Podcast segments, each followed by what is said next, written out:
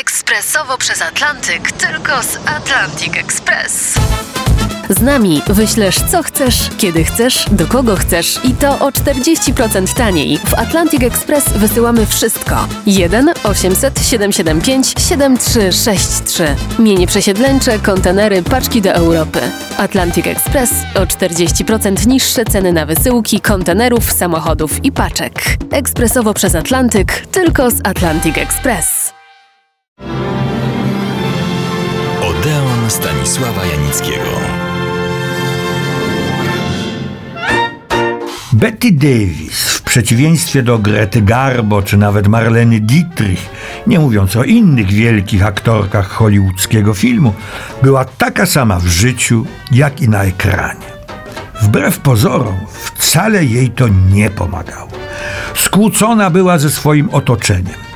Prezentowała skrywane do tej pory ciemne strony natury ludzkiej, przede wszystkim oczywiście kobiecej. Co zaskakujące i znamienne, za to właśnie uwielbiała ją żeńska część widowni. Panowie też zresztą, tak na boczku, mieli swoją małą Schadenfreude. To, że Betty Davis odnosiła ogromne sukcesy, że była nagradzana i to najbardziej cenionymi i liczącymi się nagrodami, wcale nie oznaczało, że mogła być spokojna o swoją karierę zawodową. Polityka hollywoodzkich wytwórni, w tym przypadku Warner Bros., czyli czterech braci Warner, wobec swoich pracowników, szczególnie aktorów o statusie gwiazd, zasługuje na oddzielne kiedyś omówienie. Chyba wyraźnie zasugerowałem, że 60-letnia działalność czy kariera Betty Davis to było nieustanne up and down, mówiąc po ludzku na przemian, wzloty, sukcesy i upadki, niepowodzenia. Całe szczęście dla niej i dla nas, widzów, że zaistniało i zachowało się wiele jej znakomitych kreacji w znakomitych filmach. O dwóch chciałbym krótko opowiedzieć. Pierwszy nosi tytuł Wszystko o Ewie z 1950 roku.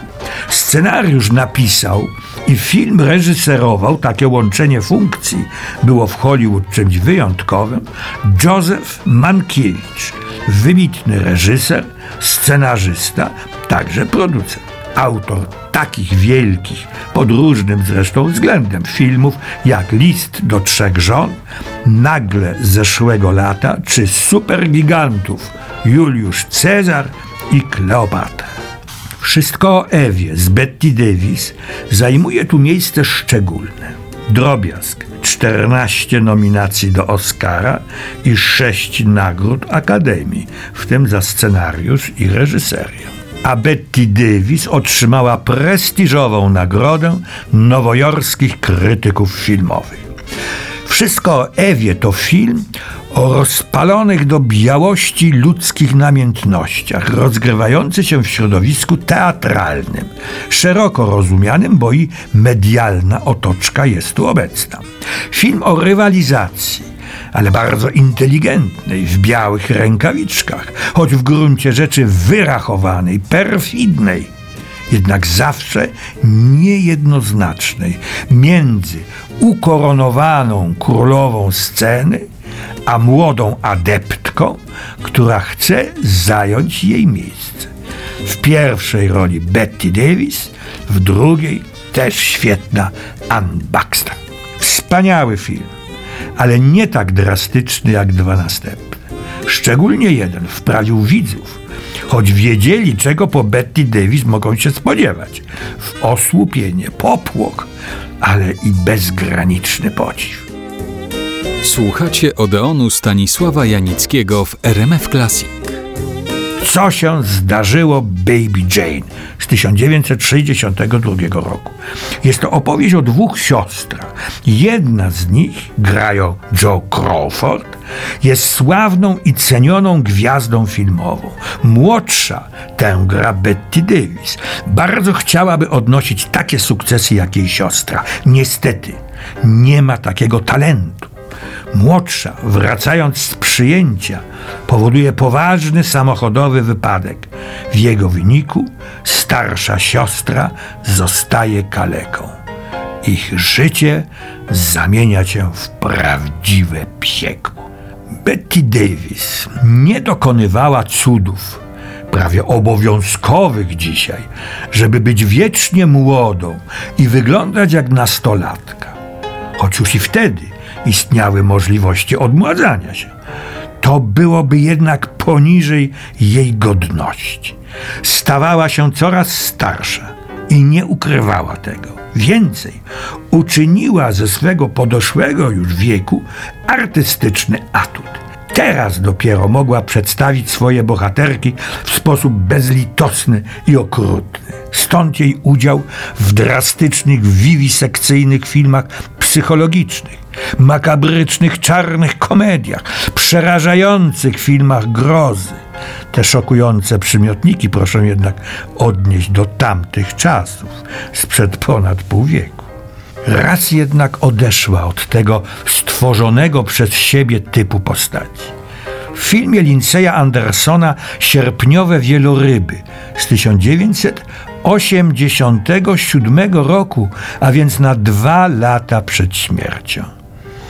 To oparta na głośnej sztuce opowieść znowu o dwóch siostrach w wieku już dobrze zaawansowanym, które jak co roku spędzają wspólne wakacje w domku letniskowym w pobliżu morza. Betty Davis gra Libby, siostrę słabszą, niewidomą, ale bardziej zgorzkniałą i agresywną. Drugą natomiast, która się nią opiekuje, Sarę, łagodną, przyjacielską, jedna z największych aktorek kina amerykańskiego, światowego, Lilian Gish. W burzliwych rozmowach wracają one do swej przeszłości i roztrząsają w bolesny sposób przyczyny braku porozumienia między sobą. Sierpniowe wieloryby to przedostatni film Betty Davis. Ostatni, nieznośna macocha, wszedł na ekrany w roku jej śmierci, 1989. Pod koniec życia ciężko chorowała. Po skomplikowanej operacji piersi przeżyła kilka zawałów serca oraz miała pełną świadomość, że jej nowotwór jest nieuleczalny. Mimo to udzielała się społecznie i występowała publicznie. Doznała jednak wielkiej przykrości, kiedy ukazała się drukiem książka jednej z jej córek z trzeciego małżeństwa, która opisała swą matkę jako apodyktyczną, notoryczną, groteskową alkoholiczkę. Betty Davis na tę obraźliwą publikację odpowiedziała książką To nie tak. Betty Davis zmarła w wieku 81 lat w roku 1989, wracając z Hiszpanii do Francji. Z Hiszpanii, w której na festiwalu w San Sebastian otrzymała kolejną nagrodę. Tuż przed śmiercią powiedziała podobno: Wiecie, co powinni napisać na moim grobie? Ciężką miała drogę.